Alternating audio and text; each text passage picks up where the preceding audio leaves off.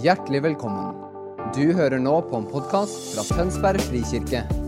Talen er tatt opp på vår gudstjeneste søndag på Brygga i Tønsberg.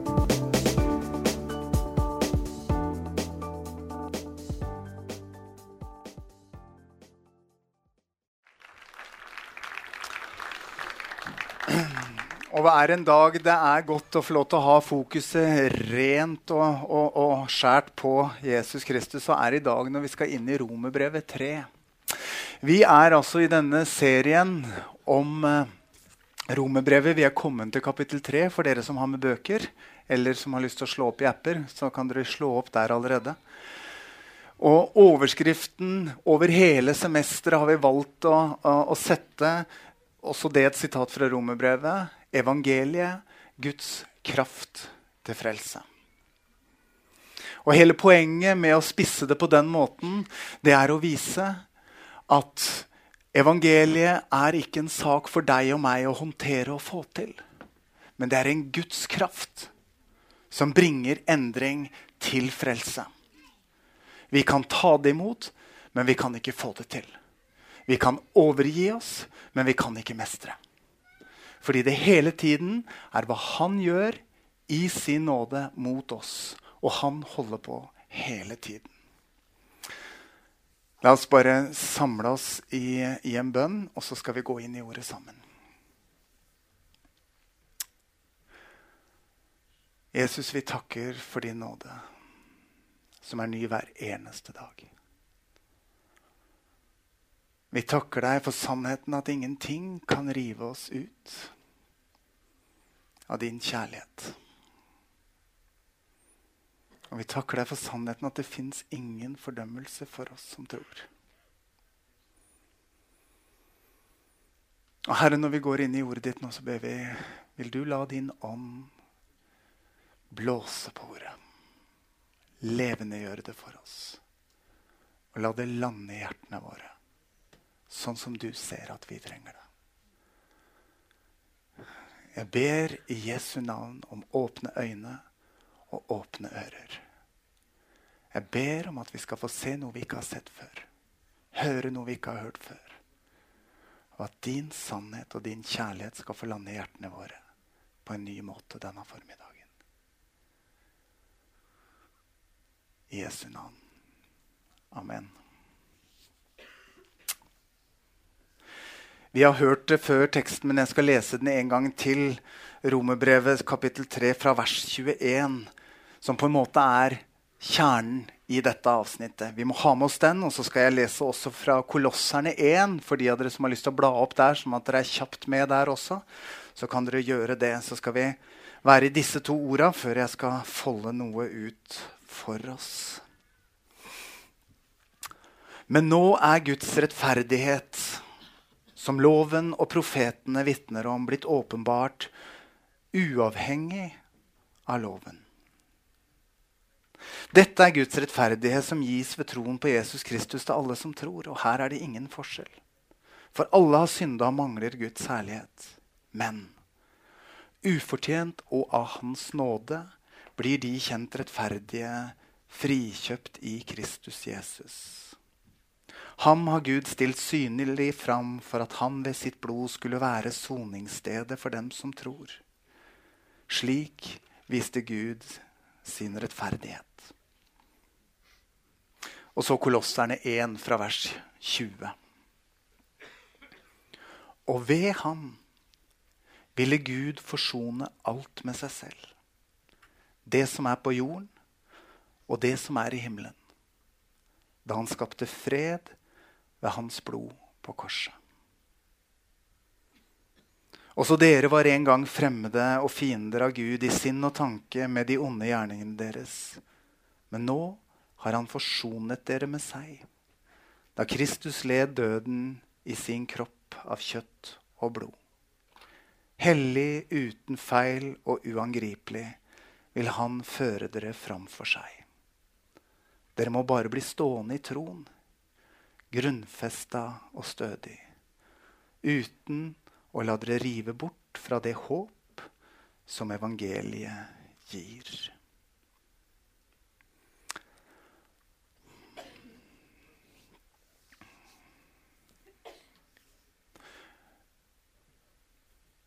Jeg sa forrige gang at eh, når vi leser romerbrevet, så leser vi det lett med Luthers briller.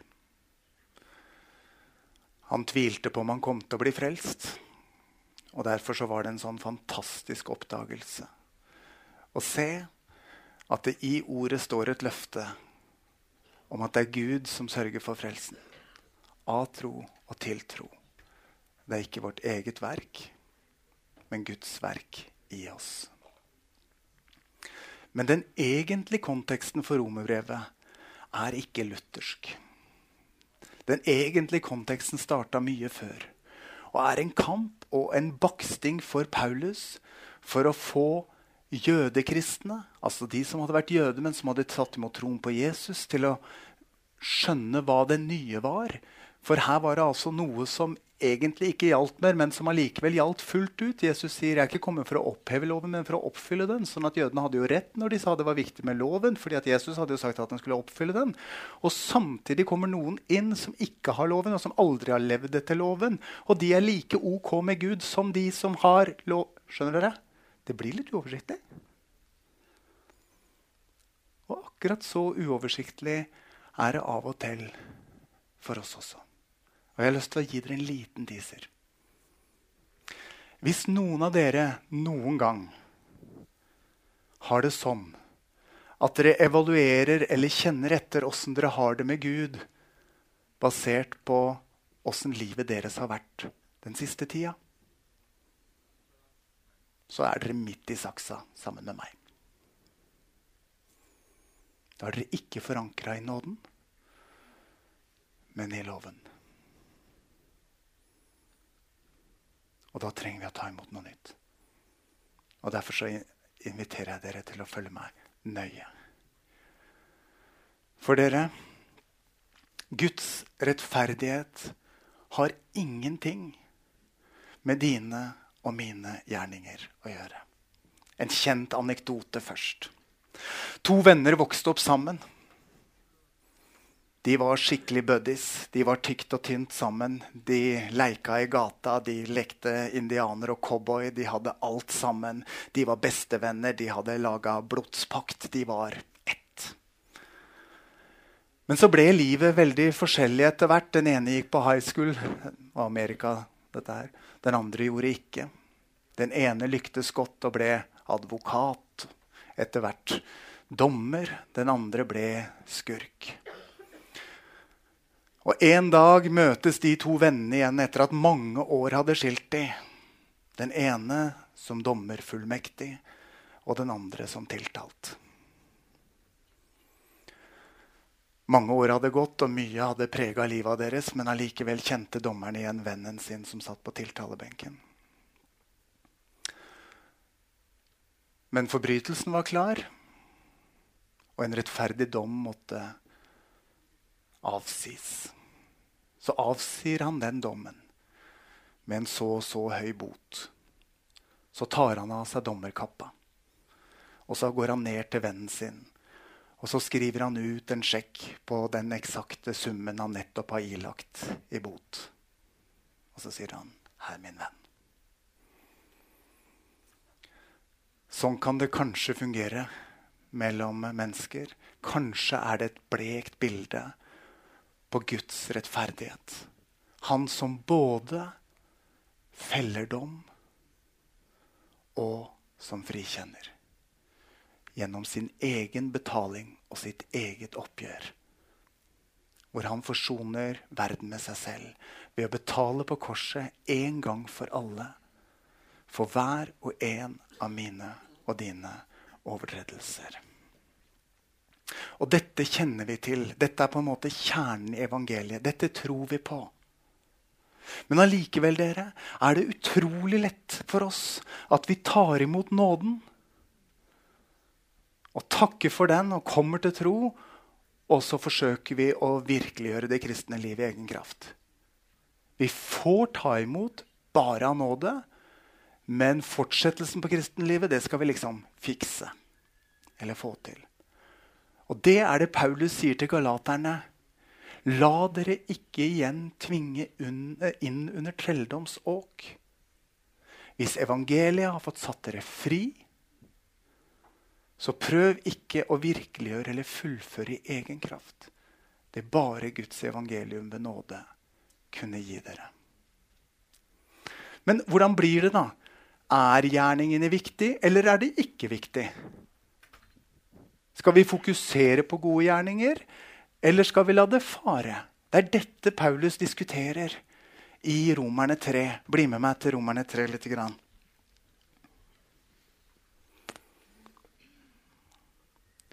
Fra vers 1. Hvilket fortrinn har da jødene, eller hva gagn er det i omskjærelsen? Mye, på alle måter.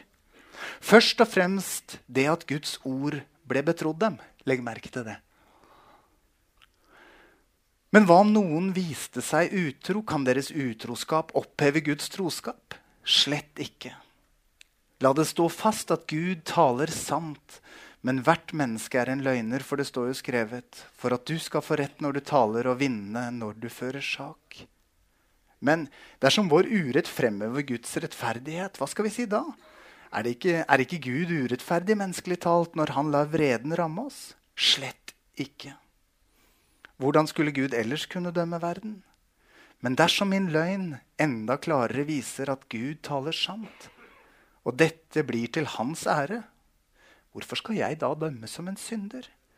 Skal vi ikke da like godt gjøre det onde, sånn at det gode kan komme? Det er noen som håner oss og sier dette.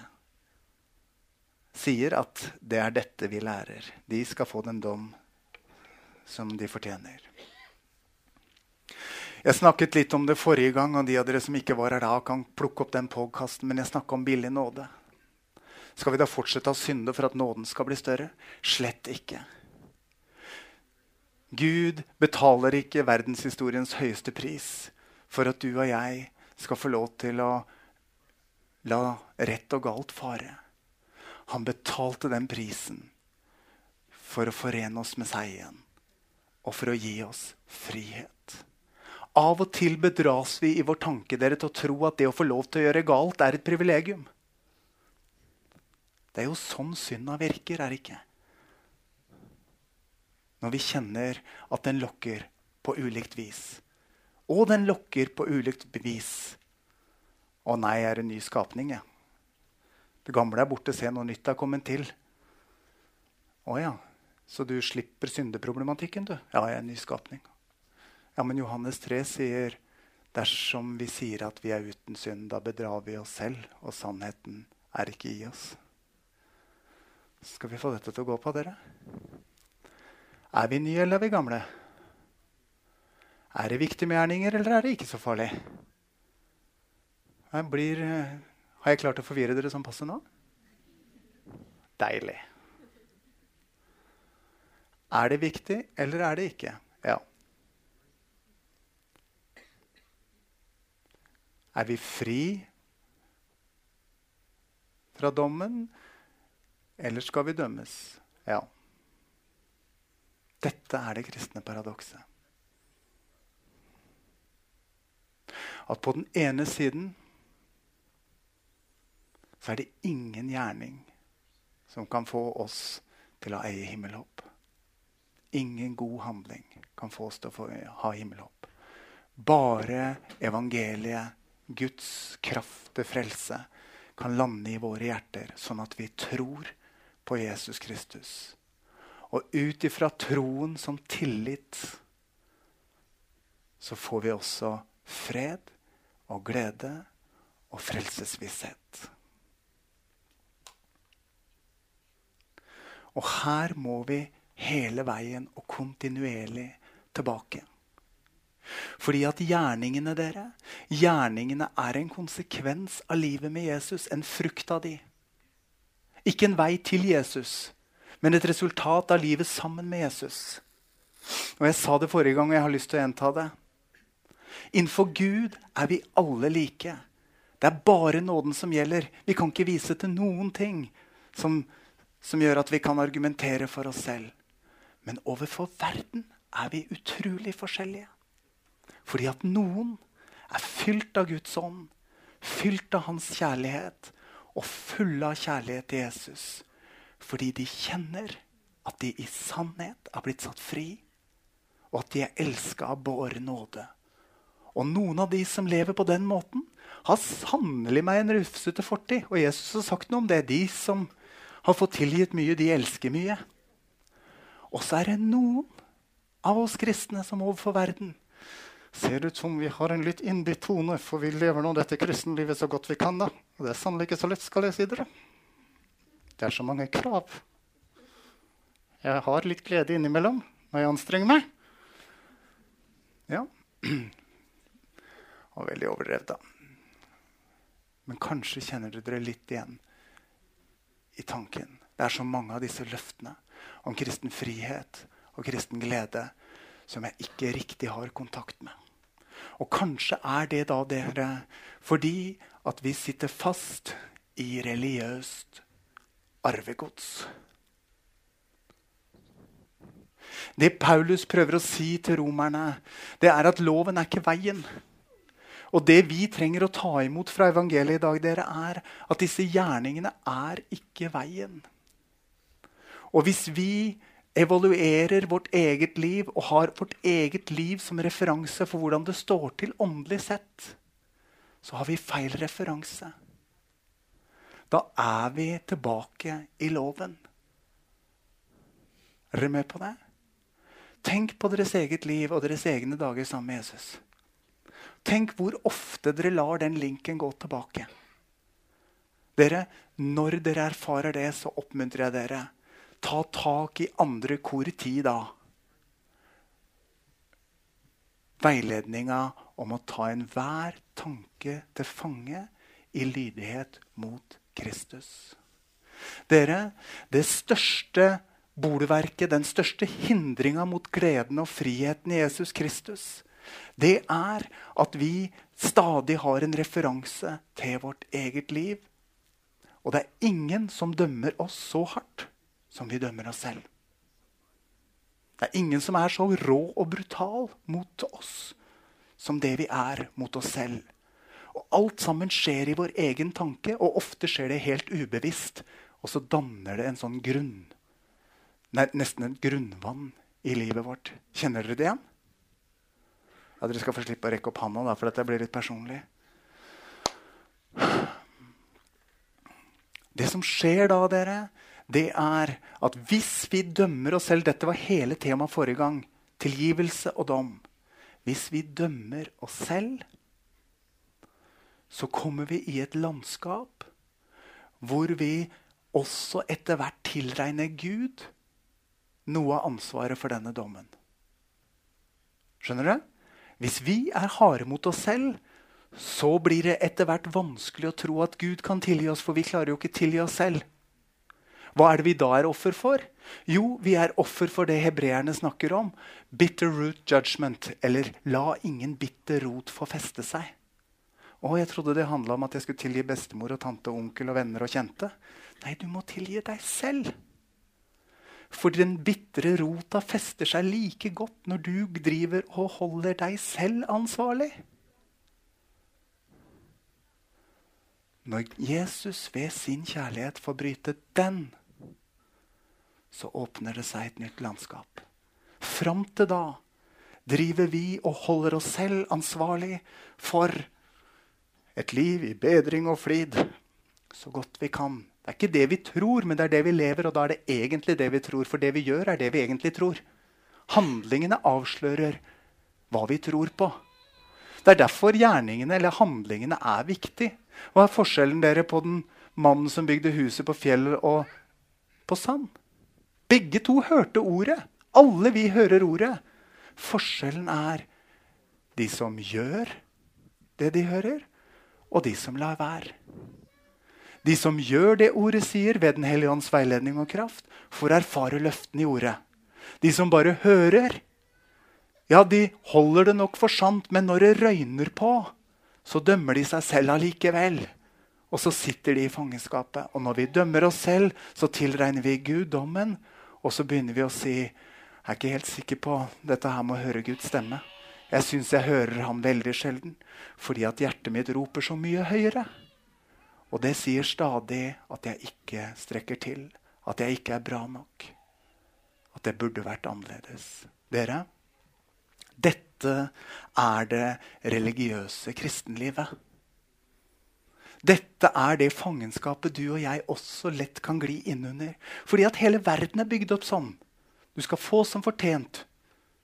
Du lønnes etter innsats. Og jødene var jo der med loven.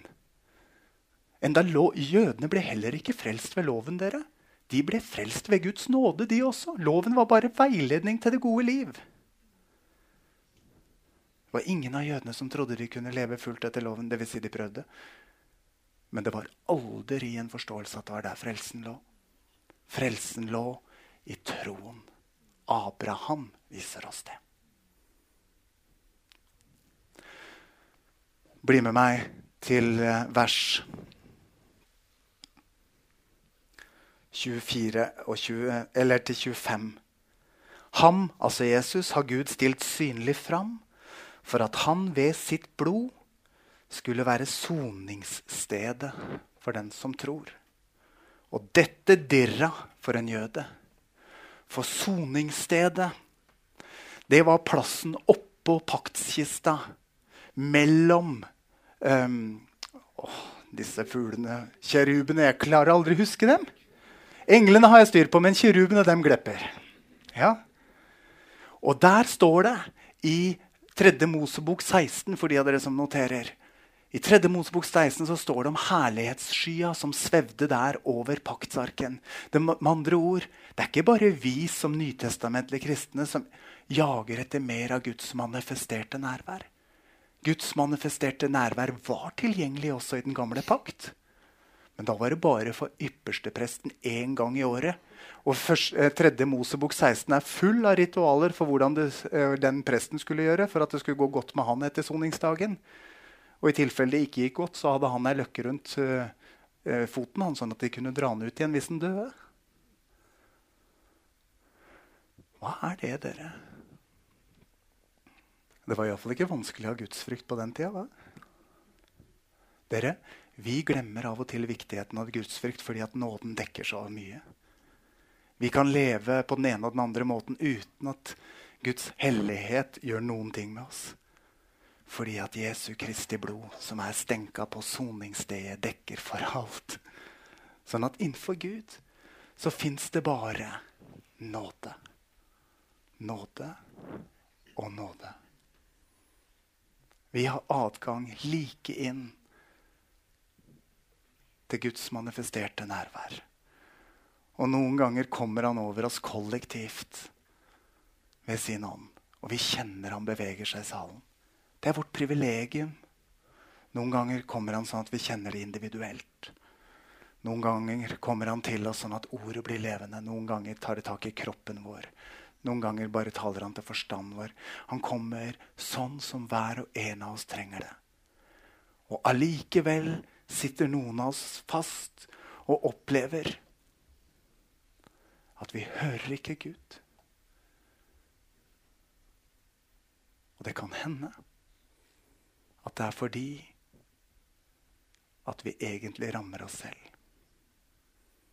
Og hvis du har det sånn, så koster det iallfall ingenting å ta sjansen på å be denne bønnen etterpå i dag. Jesus, fordi du tilgir meg, så velger jeg å tilgi meg selv. Og hvis det sitter langt inne så er samtalesenteret åpent, og så anbefaler jeg en prat. Men gjør du det, så skal du ikke være overraska om noe popper åpent. For Gud er nær hver og en av oss. Og han ønsker å tale sine livgivende ord til hver og en av oss.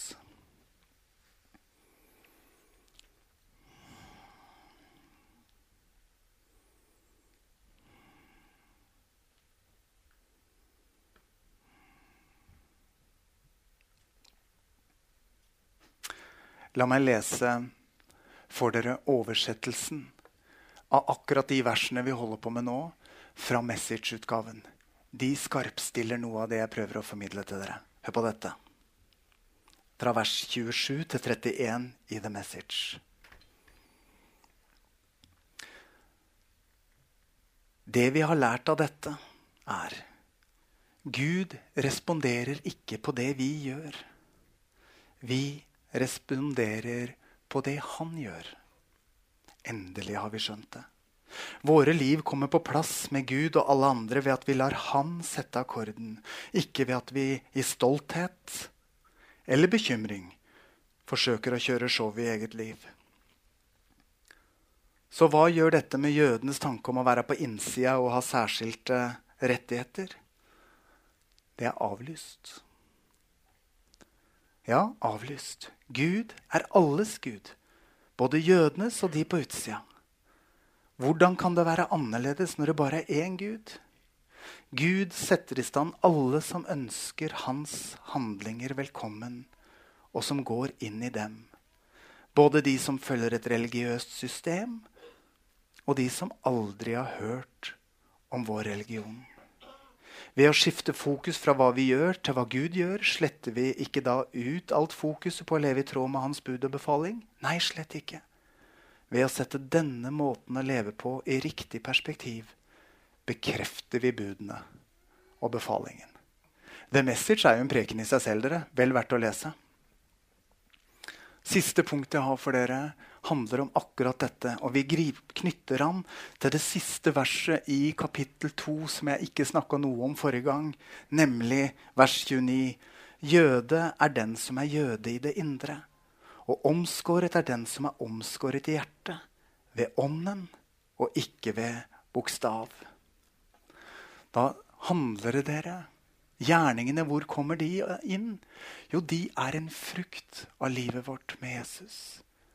Det er umulig å følge Jesus og ikke erfare Eller ofte erfarer vi det ikke så godt selv, men de rundt oss gjør det. Erfare frukten av det gjennom endra perspektiver, vilje til det gode og gode frukter i kjærlighet. Det spirer fram av livet sammen med Jesus. Det skal vi få slippe å strekke oss etter. Det skal vi få slippe å ha fokus på å prestere. Og allikevel vet vi at det er en åndelig lov, at der Den hellige ånd får lov til å lande på, forvandle oss, romerne 12, bær kroppen fram som et hellig og levende offer for Gud. Det skal være deres åndelige gudstjeneste. Det betyr at handlingene våre teller. Og de teller som en respons på, som en lydighetshandling mot Jesus når han taler. I sitt ord og ved sin ånd. Og når han taler Jesus og leder oss kanskje på en vei som vi ikke i første runde hadde lyst til å gå, og vi allikevel går i lydighet, så er det mange av oss som har erfart troens vandring, at det åpner seg et landskap og en virkelighet vi ikke trodde fantes, og som vi ikke trodde at var tilgjengelig. Med mer glede og mer fred og mer helhet enn vi trodde var mulig. Takk, Jesus, for det. Det er det Jesus inviterer oss til. Ikke til å la hans ikke til å la nåden gå for rett. Ikke til å ta lett på hva han sier til oss fordi at nåden gjelder uansett. Men nettopp å se at det handler om hva Gud gjør, og om hvordan vi responderer på det. Og når vi responderer, så lar han det livet han har ment for oss fra evighet av, spire fram. Og så blir det som Paulus sier. Om jeg skal rose meg av noe, så roser jeg meg av Kristus. For at det livet jeg lever, er en frukt av Hans nåde hver dag, av Hans godhet og Hans kjærlighet inn i livet mitt hver eneste dag. Hvis du står fast med et eller annet i livet, overgi det til Han. Hør hva Han sier, og gjør som Han sier. Jesus har ikke lova oss en dans på roser. Han har sagt 'ta opp ditt kors og følg meg'. Jeg vet ikke hva som er ditt kors, og jeg snakker ikke lett om det. Men dere, det å overhøre hans veiledning, det er å gå krokveier. Jeg sa det forrige gang. Jeg har ikke lyst til å dele ut billig nåde, for billig nåde virker ikke. Det setter et plaster på et verkende sår. Mens Ekte nåde renser såret, lar det leges og gro, så det blir helt og friskt igjen. Men en del av det å følge Jesus er også å lyde ham når han viser oss en vei som vi i første omgang kanskje butter på. Noen ganger oppleves det som å dø fra seg selv. Noen av mine etapper sammen med Jesus har vært der. Å, det føles helt som å dø og gjøre dette, Jesus. Det føles helt som å fornekte meg selv. Og da har Jesus sagt, 'Vil du fortsatt gjøre det for meg?' Og så er frukten og erfaringen at jeg kom til en plass jeg aldri kunne ha funnet veien alene. Jeg har til og med fått et profetisk ord som, hvor Gud sier Er det ålreit for deg, Morten? At han lot deg gå igjennom det og det og det og det. For at hans herlighet skulle bli synlig gjennom det. Skjønner dere? Gud har sin vei med oss. Og hvorfor tar ikke Gud lett på det som er feil, på det som er synd? Fordi at denne verden ødelegges av den slags. Er dere med? Vi trenger ikke annet enn se på nyhetene, så ser vi hvordan verden ligger under for destruksjon. Det verden trenger, er oss som lever et liv i nåde, og som har nåde og kjærlighet å gi. Som sprenger grenser og gir muligheten til en annen vei enn øye for øye og tann for tann. Vi sitter på de nøklene, dere. Tilgivelsens nøkler. Jeg skal lande.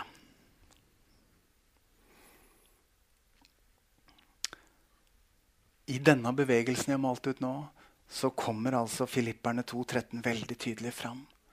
For det er Gud som er virksom i dere. Så dere både vil og gjør etter Guds gode vilje. En gang skal vi stå ansvarlige for livet vårt. Det er tydelig i Bibelen. Og det fantastiske da er at alt som ble feil, det setter Jesus en strek over.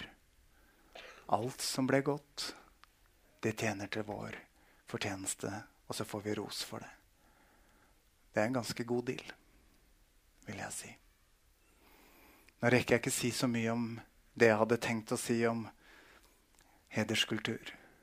Men dere, det å leve ut dette livet på basis av Guds rettferdighet er å leve med visshet om at vi er ikke-dømbare for Jesus skyld. Og hvis det er sant om meg, så er det også sant om hun som terger og utfordrer meg. Er dere med? Så hvis det er sant om meg at jeg er ikke dømbar for Jesus skyld, så skylder jeg også å møte de rundt meg med kjærlighet og nåde.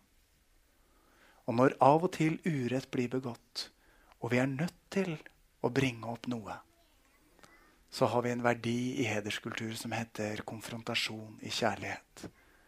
Hvor målet ikke er å arrestere, sette fast og ta hevn, men å hjelpe fri til ny vandring. Du, kjære deg, det som skjedde der, ble sånn og sånn for meg. Er dere med? På den veien til konfrontasjon i kjærlighet gjør vi minst tre steg. Vi prøver oss selv på det vi har tenkt å si til vår bror. Er det ålreit ord å få høre? Så prøver vi vårt eget hjerte. Sier jeg dette for å dømme og holde fast, eller for å hjelpe fri med vilje til å tilgi? Og dernest kan vi tre fram for hverandre og praktisere et liv båret av og gjennomsyra av nåde eh, lovsangstimen. Dere kan komme opp. og Vi får en lovsang nå til ettertanke, og så har jeg lyst til at dere skal få bare hvile i eller reflektere over det jeg starta med. Hender det at jeg vurderer mitt liv med Gud i lys av mine egne handlinger? Hvis du gjør det fra tid til annen, så er det en invitasjon fra Jesus til å få lov til å komme fri fra et religiøst mønster. Og det gjør kanskje vondt når jeg sier det sånn.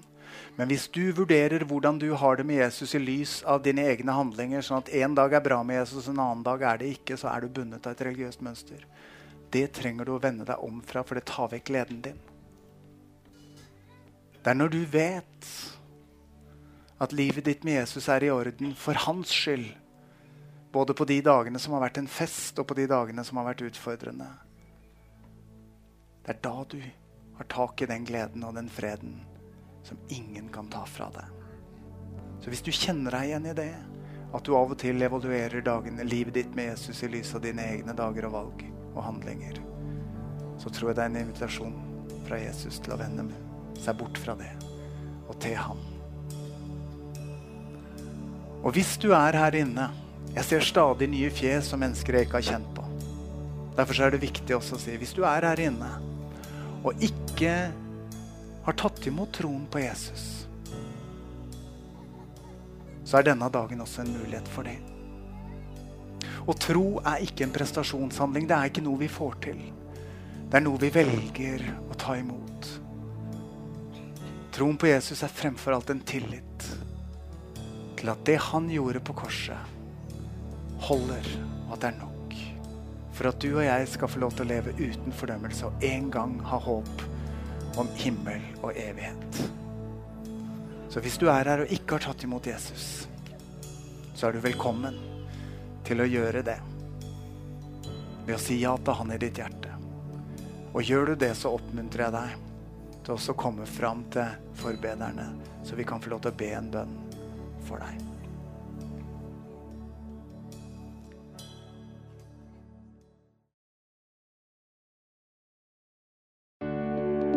Takk for at du hørte på vår podkast. Har du spørsmål eller ønsker du å vite mer? Søk oss på vår nettside tonsbergfrikirke.no. Du er også velkommen til kirke på Brygga i Tønsberg.